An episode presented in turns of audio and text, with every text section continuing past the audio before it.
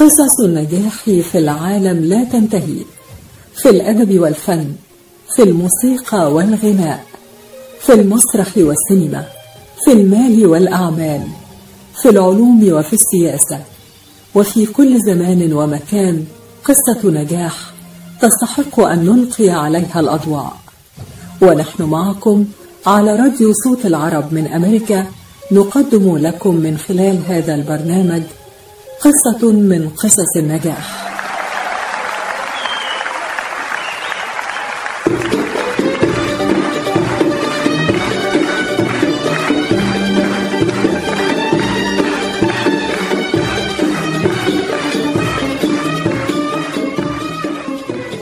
قصة نجاح.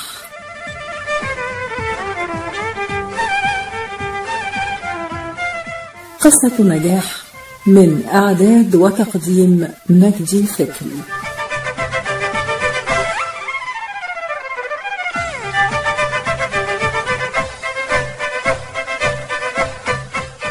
مستمعينا الأعزاء مستمعي إذاعة صوت العرب من أمريكا في الولايات المتحدة وفي أرجاء الوطن العربي وكل مكان في العالم. أهلا بكم معنا في هذه القصة الجديدة من قصص النجاح. حلقة اليوم من برنامج قصة نجاح يسعدنا أن نقدم من خلالها رحلة فنية حافلة وقصة نجاح متميزة في عالم السينما والإخراج السينمائي والتلفزيوني.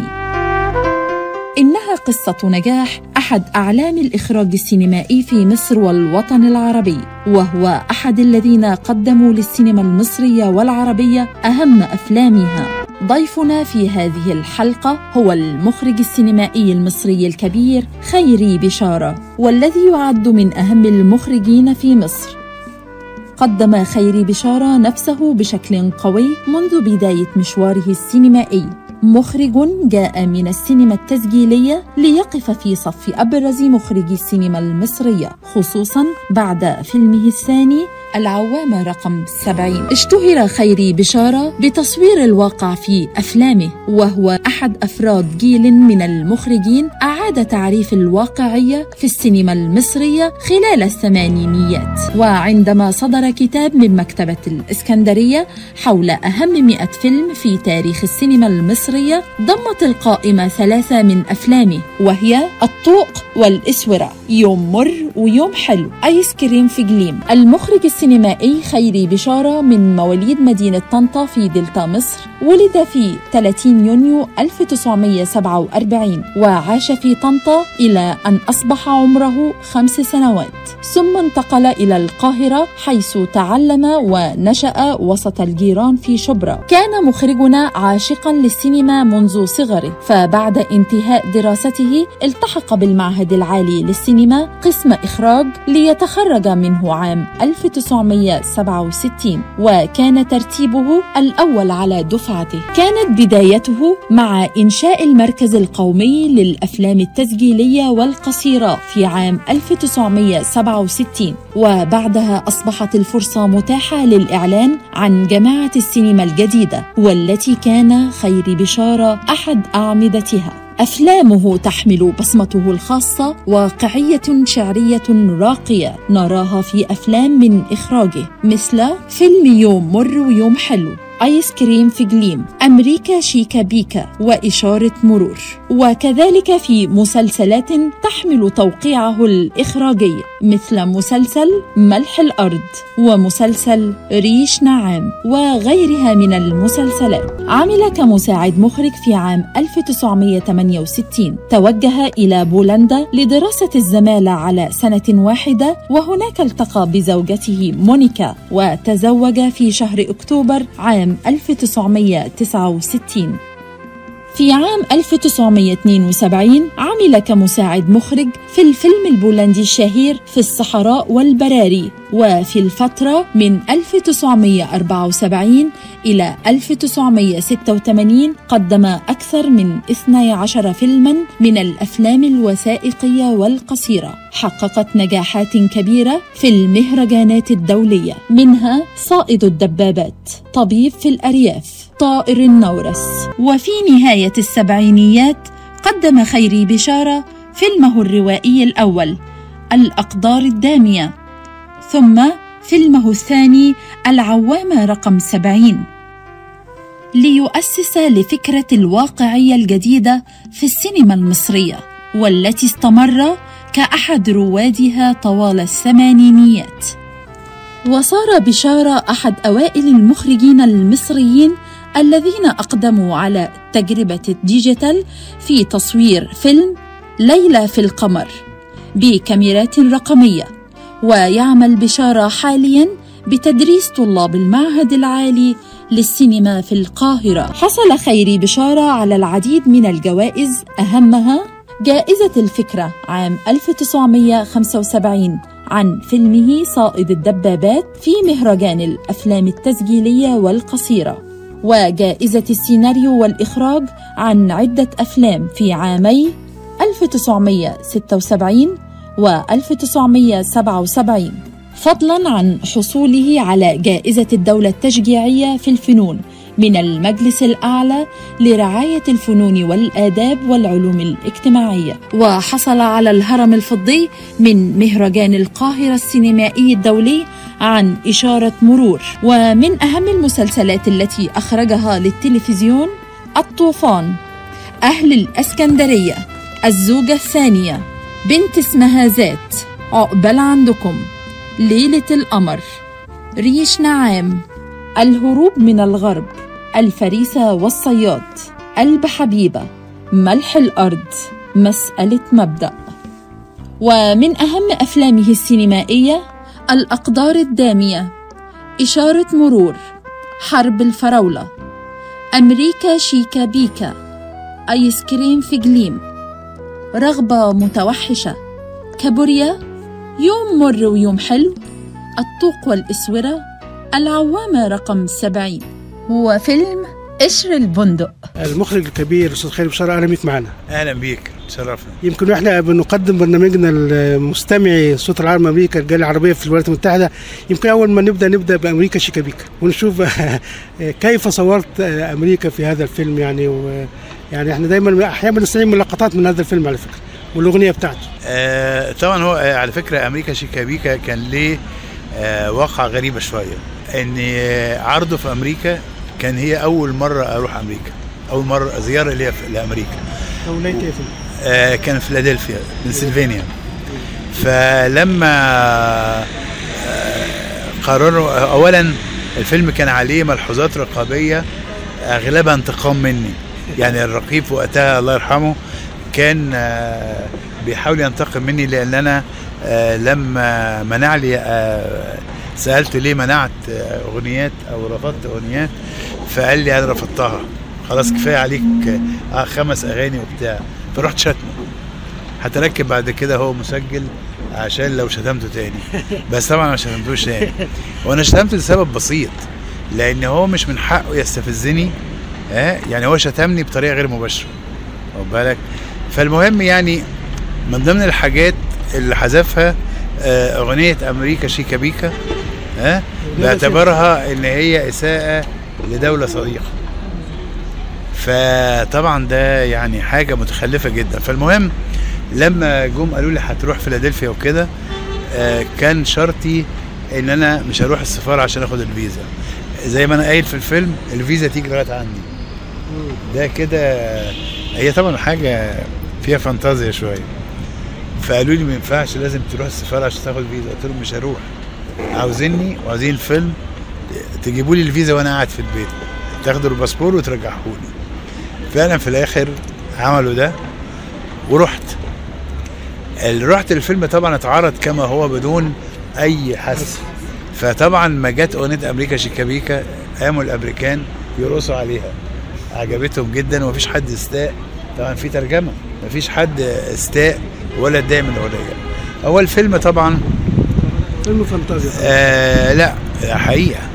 لكن حضرتك كنت شفت الحياة في الولايات المتحده قبل الفيلم؟ لا لا ده الفيلم عبارة عن آه صورة مخففة يعني أنا خففت لأن المصريين اللي حاولوا يهاجروا لأمريكا عن طريق آه دول أخرى في أوروبا آه بعضهم في البرد إيديهم تيبست بعد المعاناة لغاية ما في تيه تيه في في الغابات وفي لغاية ما وصلوا لبر الأمان أخيرا. فطبيعي إن يتكلموا على الحلم. وخلي بالك إن بينتهي بيها الفيلم برضه. بس بينتهي بطريقة ساخرة. إن كل المنتجات الأمريكية بتل... بتترمي فوق ها؟ بياخدوها من الراجل اللي نصب عليهم اللي بيمثل الدور جابر اللي هو بيمثله سامي العدل. فبيلقوا بالمارلبورو والسجاير والكوكا والحاجات دي. فهو الأغنية جاية في لحظة اللي هي الحلم. هم في حالة تيه آه، تيه آه، تعذبوا وهم تايهين. فما صدقوا طلعوا فبيتكلموا عن الحلم بس هو الحلم بيتكلموا عنه بطريقه ذكيه يعني. آه، أمريكا شيكا بيكا أبرا جدابرا يعني. ها؟ تجيب تجيب عليكا وطيكا. فدي ما فيهاش يعني هي ساخرة وفي نفس الوقت ده الحلم. ال- الشباب اللي هم كان عاوز يسافر أمريكا ويهاجر ها آه، ده آه، عاش في ظروف صعبة عشان آه، يخرج من بلد لبلد فتعرض مثلا في الشتاء القارس جدا في أوروبا إنهم بيناموا في الجناين فتيبسوا تجمدوا فإيديهم لازم تتقطع. فدي كان في مقاسي أنا ما خففت المقاسي دي؟ آه، إيه اللي دفعني؟ لأن أنا سنة 73 عملت رحلة من من مصر لأوروبا عشان مش عاوز أرجع مصر تاني وعاوز أشتغل بره وأعيش بره. آه، وللدهشة أنا مراتي بولندية. فأنا رايح بولندا أشتغل في بولندا. فقلت لها هتيجي وهي ساكنة فين بقى؟ مع أمي في شبرا في أوضة في شبرا يعني مع العيلة. فقالت لي لا آه، انت مكانك هنا. عاوز تروح؟ دي غريبة جدا. واحدة خوا- خواجايه آه آه، فقالت لي بص لو انت انبسطت وقلت لي انك انت مبسوط ومتحقق هجيلك. مطرح ما انت هتبقى سعيد هجيلك. لكن قاعدة مع أمك لغاية ما تقول لي. فطبعا كانت تجربة قاسية من ضمن البلاد اللي عملت تذكرة لبيروت بدون عودة. لا تذكرة لبيروت غير عودة. ومن بيروت بروح سوريا بروح تركيا بخش بلغاريا لغاية ما أوصل لبولندا. أنا عاوز أشوف إزاي العالم بيتغير في عينيا من عالم عربي و... آه، آه، بالظبط. هي فكرة رومانسية خالص مش واقعية. وما كانش معايا فلوس. فأنا طبعا بصراحة آه، ما كانش معايا فلوس. وعملت الرحلة دي وما عنديش تذكرة عودة. فمن ضمن الحاجات بقى آه، اللي لها علاقة بأمريكا شيكابيكا لما جيت أصور في الجنينة. فاكرين الجنينة في أمريكا شيكابيكا؟ آه؟ آه في بداية الفيلم. أول ما قعدت عينيا دمعت. لأني افتكرت سنة 73 إما أنا قاعد هنا بالساعات يعني مثلا ميبي أكتر من 10 ساعات آه، مش قادر آكل معيش فلوس آكل. وكل اللي بعمله أنا بتأمل الشبابيك. ها والناس البعيدة ما بعملش حاجة غير كده. وطبعا مش قادر أقوم أمشي عشان ما عنديش طاقة مش واكل مش حتى ما فيش مية. ف دمعت وحكيت للممثلين قلت لهم تجربة رومانيا في حياتي تجربة ها بولندا. ب- رومانيا. رومانيا. ما أنا صورت الفيلم في رومانيا. كان هم المفروض من رومانيا رايحين على المجر لغاية ما يوصلوا لأمريكا في الآخر. كويس. آه بس فهو هي تجربة خاصة جدا. بس و- اختيار محمد فؤاد للفيلم كمطرب. هو محمد فؤاد آه، طبعا أنا كنت ظهر معايا عمرو دياب. فأنا باكل في جامعة الدول العربية. فوأنا في جامعة الدول العربية بعد آيس كريم. وفي وأنا بدور لسه مين هيبقى بطل أمريكا شيكابيكا فوانا باكل في عربية من عربيات ال- اللي في جامعة الدول العربية. جه واحد كده ما أنا برضه زي عمرو دياب. اتكلم. يا محمد فؤاد. بكلمك بيكلمني فانا فجأة لقيت اللي بيكلمني ده هو الشخصية. هو هو المنسي. يا سلام آه آه، الشخصية جت قدامي. جميلة. آه. فرحت مكلم محمد العدل. قلت له يا محمد تعالى بسرعة. محمد العدل افتكر إن في خناقة في الشارع. آه، لبس بسرعة وجري لغاية ما وصل للمكان ده اللي أنا باكل فيه فشاف محمد فؤاد ففهم. بس قلت له هو ده منسي. اللي هيلعب دور المنسي؟ مناسب جدا جدا. دي رؤية مخرج عبقري طبعا.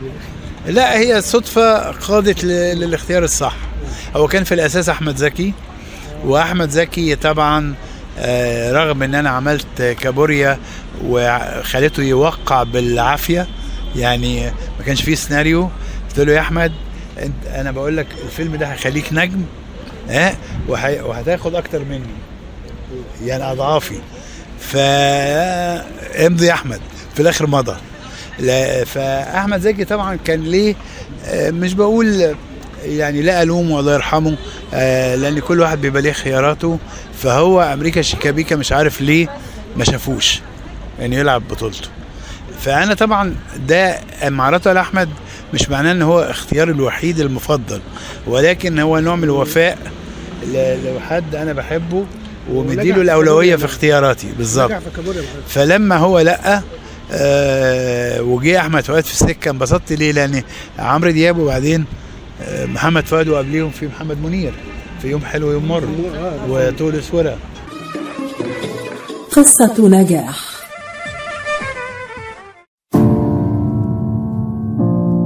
شو هي الحياة؟ إني كون دفيانة ومو خايفة. إني أعيش بقية حياتي بكرامة. آكل أكل زين واشرب مي نظيف. إني أعيش سعيدة ولو كنت يتيمة.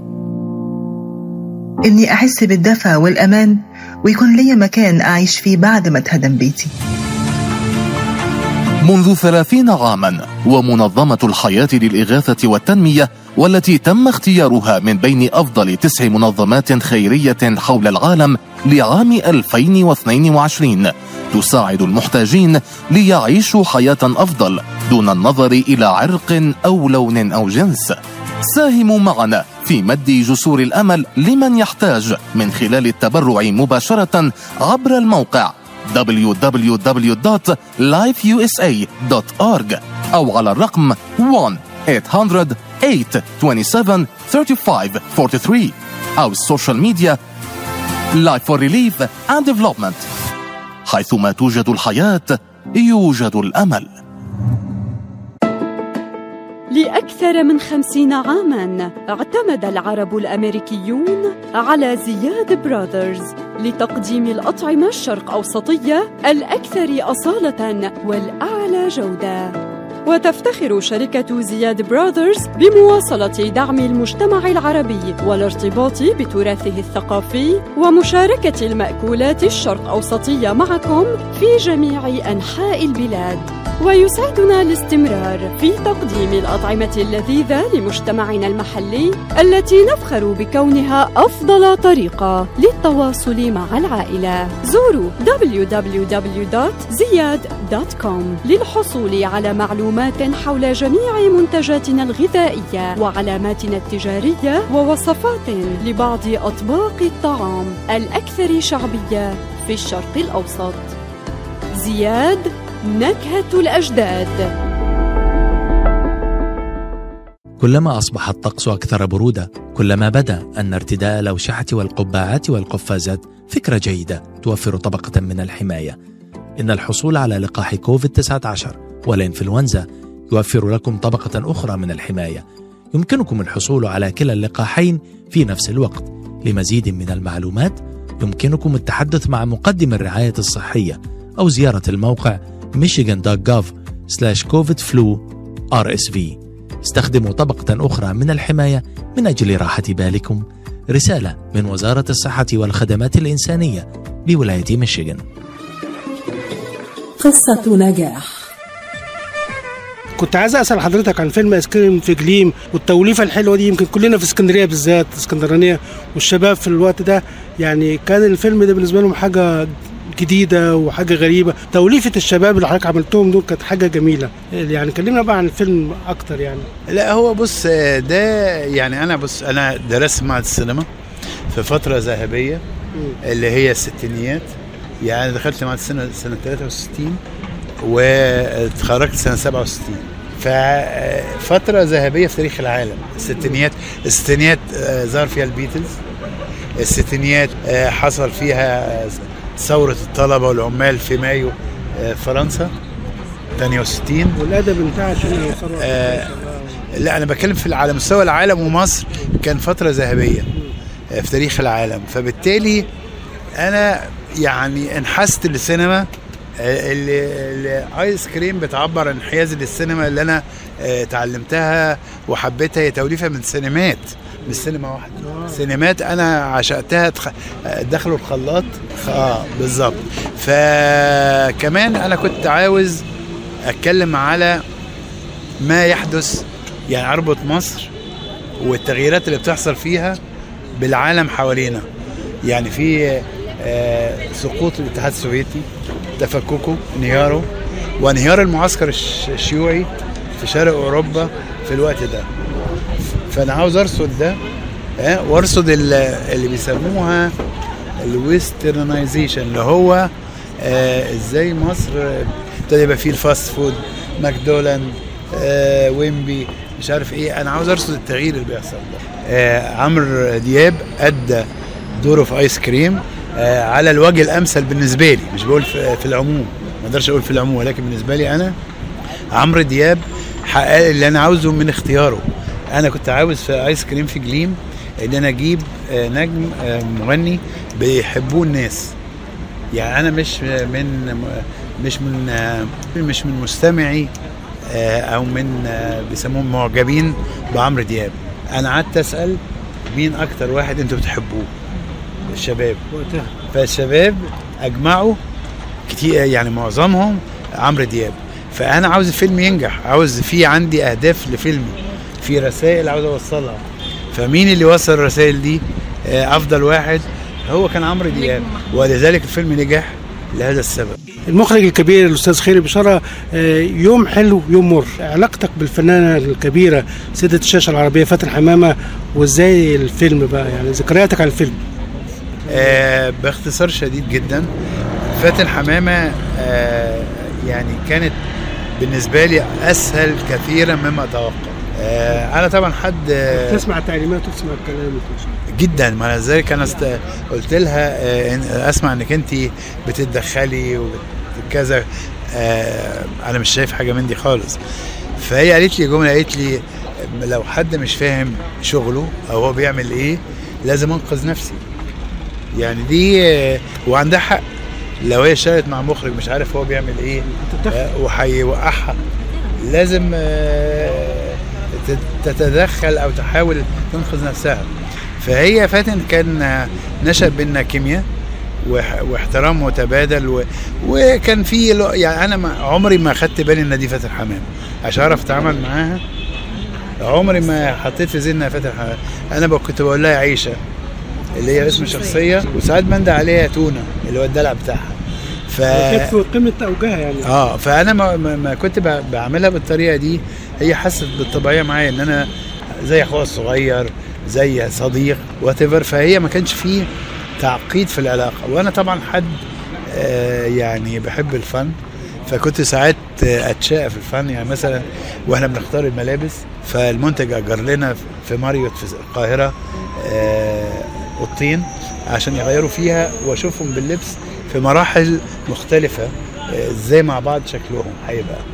فيلبسوا وأنا قاعد على المكتب كده وهم بيجوا لي من بعيد لابسين ها okay يروحوا يغيروا اللي بعديه. فانا كنت ساعات تعالوا عليا فيجي عليا طب ارجعوا تاني وتعالوا طب أنا بلعب. فانا إيه خليتهم إيه آه وديتها وجت معلش مرة كمان فهي جاية في المرة الرابعة بقى إيه؟ فهمت ان أنا بلعب. فأنا برضو جزء من العلاقة الجميلة إن هي لقت واحد آه، بالنسبة لها معلش اتكلم عن نفسي لذيذ لذيذ. قصة نجاح.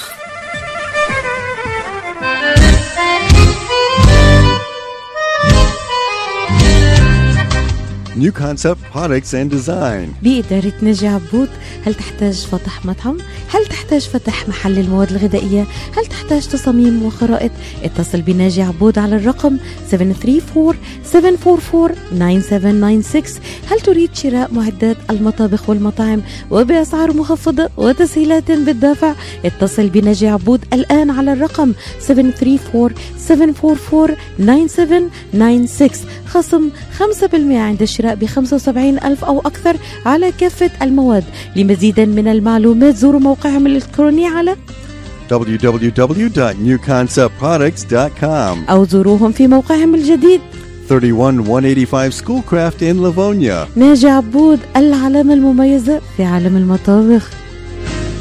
هل تعاني من ألام في المفاصل أو العظام؟ هل جربت الأدوية دون فائدة؟ هل تفكر في إجراء عملية؟ انتظر الحل لدى مركز Top Rehab للعلاج الطبيعي جهاز SoftWave علاج جديد غير جراحي يستخدم الموجات فوق صوتية لتحفيز الجسم على بدء عملية الشفاء وتوليد أنسجة جديدة في مجالات جراحة العظام الكسور العناية بالجروح وعلم الجمال دون جراحة أو تخدير وقت علاج قصير نتائج سريعة طويلة الأمد تستخدمه العديد من المراكز البحثية الطبية والرياضية الرائدة في أمريكا. الآن حصريا في ميشيغان لدى مركز Top Rehab للعلاج الطبيعي. احجز جلسة تقييم شامل لحالتك بواسطة جهاز SoftWave وبرسوم رمزية. اتصلوا الآن على 313-846-0555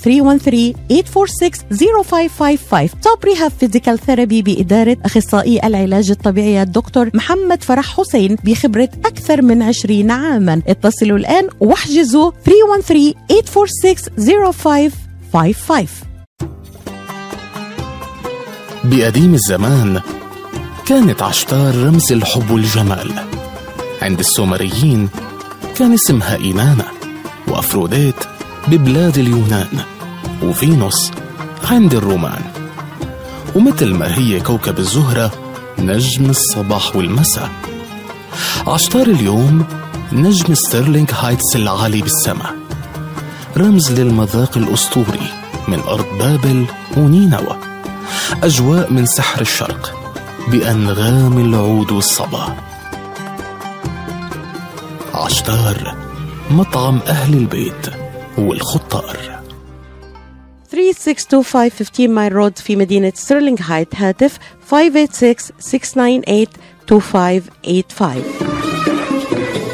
قصة نجاح. المخرج الكبير الاستاذ خيري بشارة من تجارب الهامه في السينما المصرية أيضا فيلم الطوق والأسورة. عايزين نعرف يعني تفاصيل الفيلم ده وهو فيلم أقرب للفلسفة والتفكير يعني. آه بص آه يعني أنا طبعا ما أقدرش أقول كلام كتير لأن ال ال في كتابين اتعملوا عني وفي كتاب ثالث في الطريق للصدور. فبالتالي كل الحاجات اللي أنا عاوز أحكيها عن أفلامي مكتوبة. ولكن أقدر أقول لك إن طول اسوره هي رواية قريتها عند صدورها في نص السبعينات آه ليحيى الطاهر عبد الله. ولما قريتها كان جزء آه آه عشان كنت بعمل فيلمي الأول الأقدار الدامية. كان إنتاج مشترك مع الجزائر اللي صورته 76 فأنا قريت قبليه طول أسورة عشان أستفيد. هو بيتكلم على قرية الكرنك آه في الأقصر. فأنا عاوز آه الفيلم الطويل عن كده برضه عن قريه الكرنك فأنا حاولت أستفيد من خيال روائي في فيلمي الأول. وبعدين وأنا بقرأها اندهشت.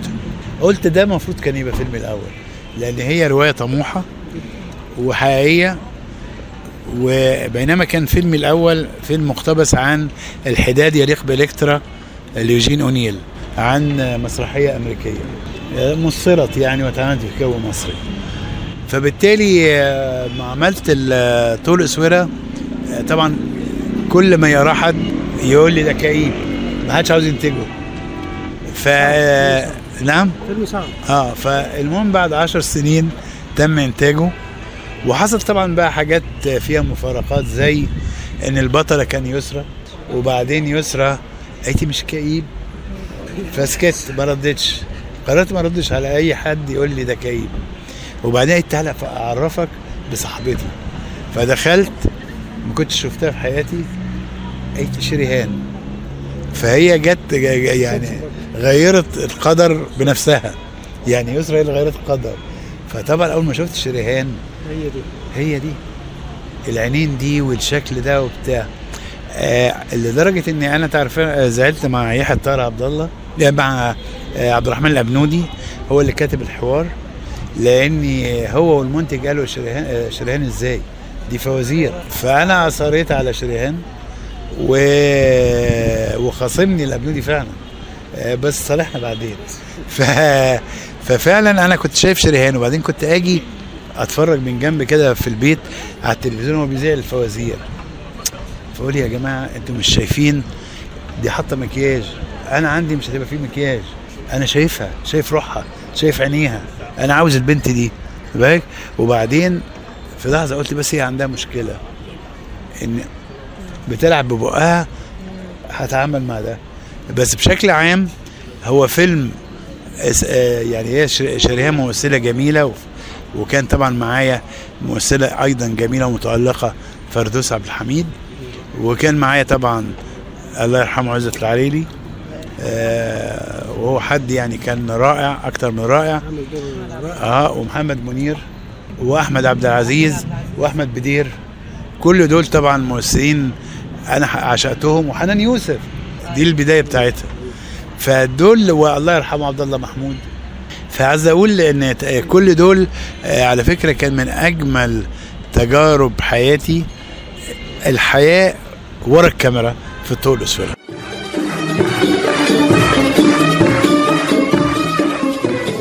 قصة نجاح. حكي معونا فهم في العين. وافهم كمان في ومن بمثل خبرة الدكتور عماد نقاش أستاذ الطب وجراحة العيون في جامعة وين. خبرة طويلة في التعامل مع أمراض العيون وجراحتها عمليات تعديل وتصفية النظر إزالة الماء الأبيض والأسود الجلوكوما وتصحيح النظر من أثار مرض السكر.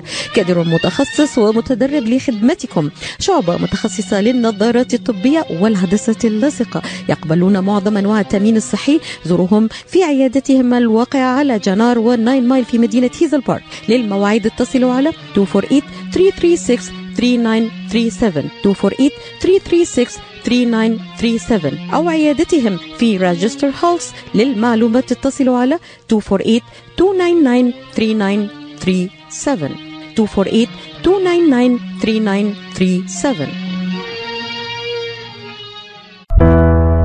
حاولنا كتير. خلينا نحاول كمان مرة الكلفة كبيرة والاحتمال ضعيف. يعني ما في أمل؟ للأسف حبيبتي. هنالك أمل. لدى مركز إخصاب IVF ميشيغان الذي صنف من بين أفضل خمسين عيادة إخصاب في أمريكا وفق مجلة نيوزويك لعام 2023 ويعتبر الدكتور نيكولاس شما مؤسس مراكز IVF ميشيغان وأوهايو من أهم أخصائيي العقم في أمريكا. حيث أجرى أكثر من عشرين ألف عملية طفل أنبوب ناجحة حققت حلم الأبوة لكثير من الآباء والأمهات. وهو حاصل على البورد الأمريكي في أمراض النساء والتوليد والعقم والغدة الصماء التناسلية. الآن ولفترة محدودة خصم ألف دولار للحالات المؤهلة لإجراء عمليات في عيادات IVF ميشيغان لمزيد من المعلومات يرجى الاتصال على 2489-529600 IVF أمل يولد من جديد.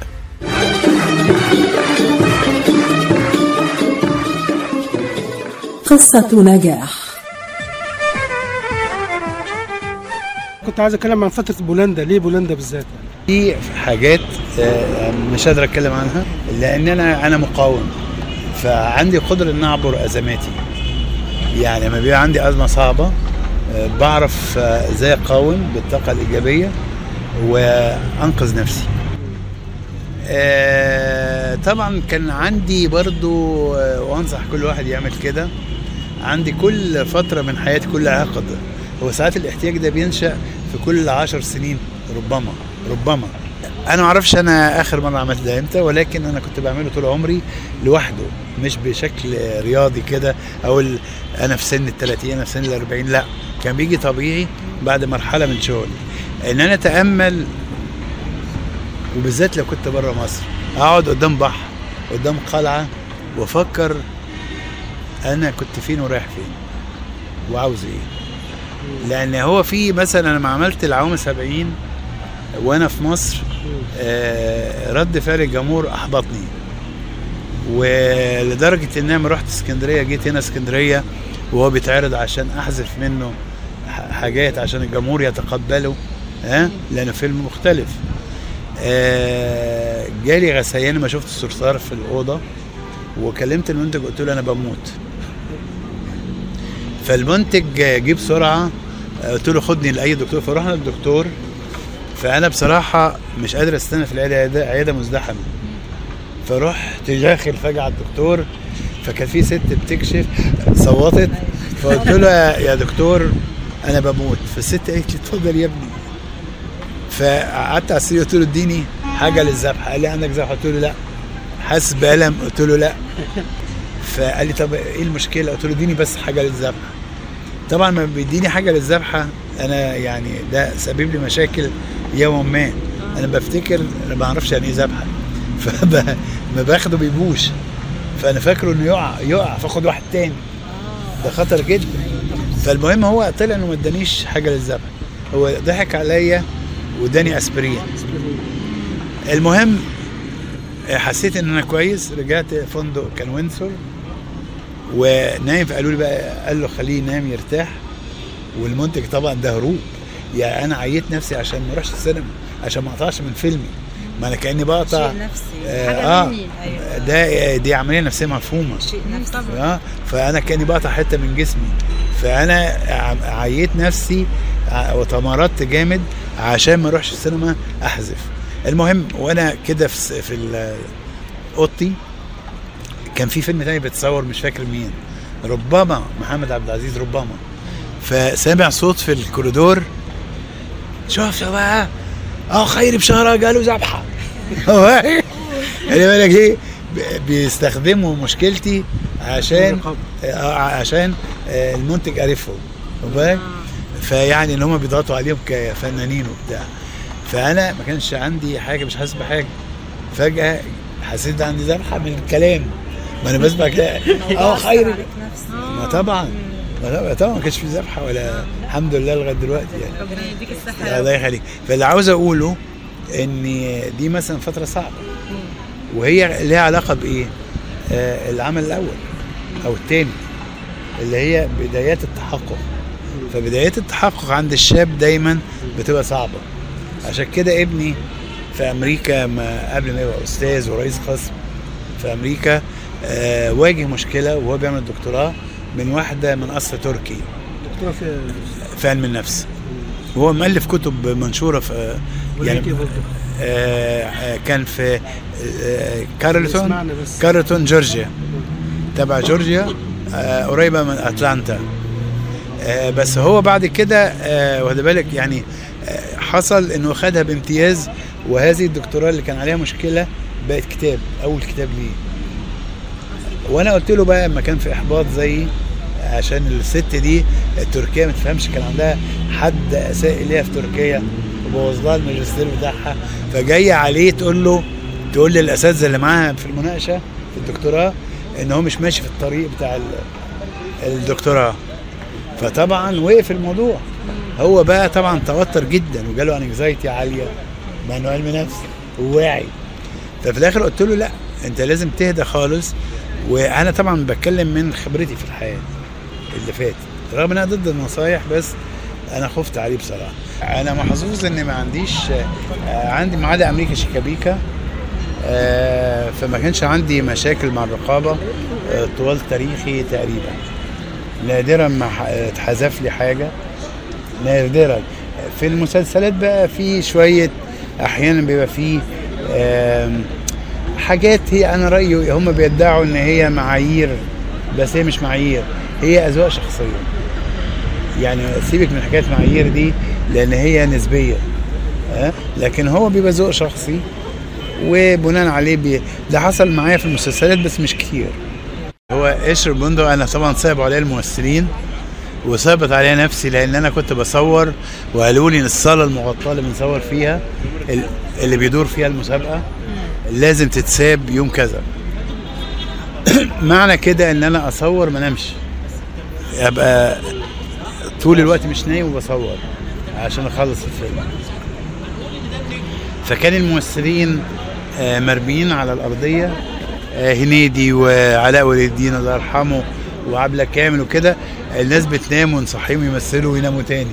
ذلك أنا بقى بعد يومين أو ثلاثة ما نمتش عشان أخلص الفيلم رجعت البيت وأنا راجع البيت لقيت إن راسي سخنة جدا.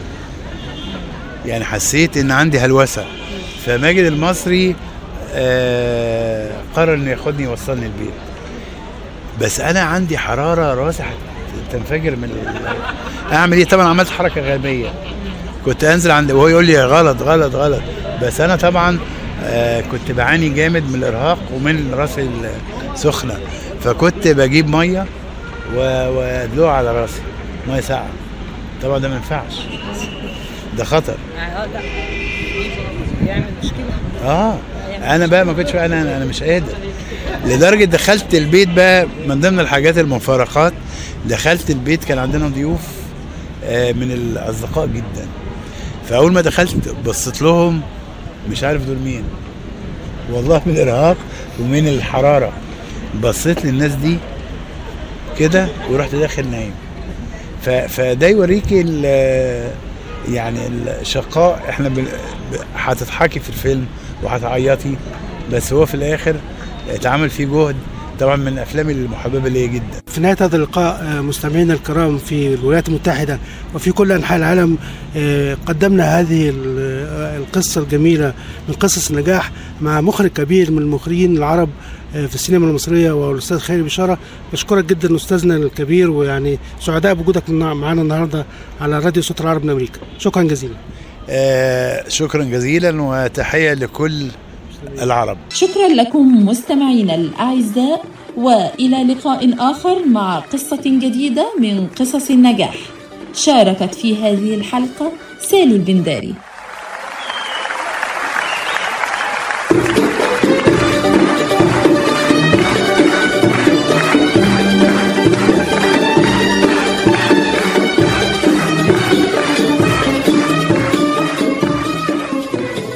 قصة نجاح.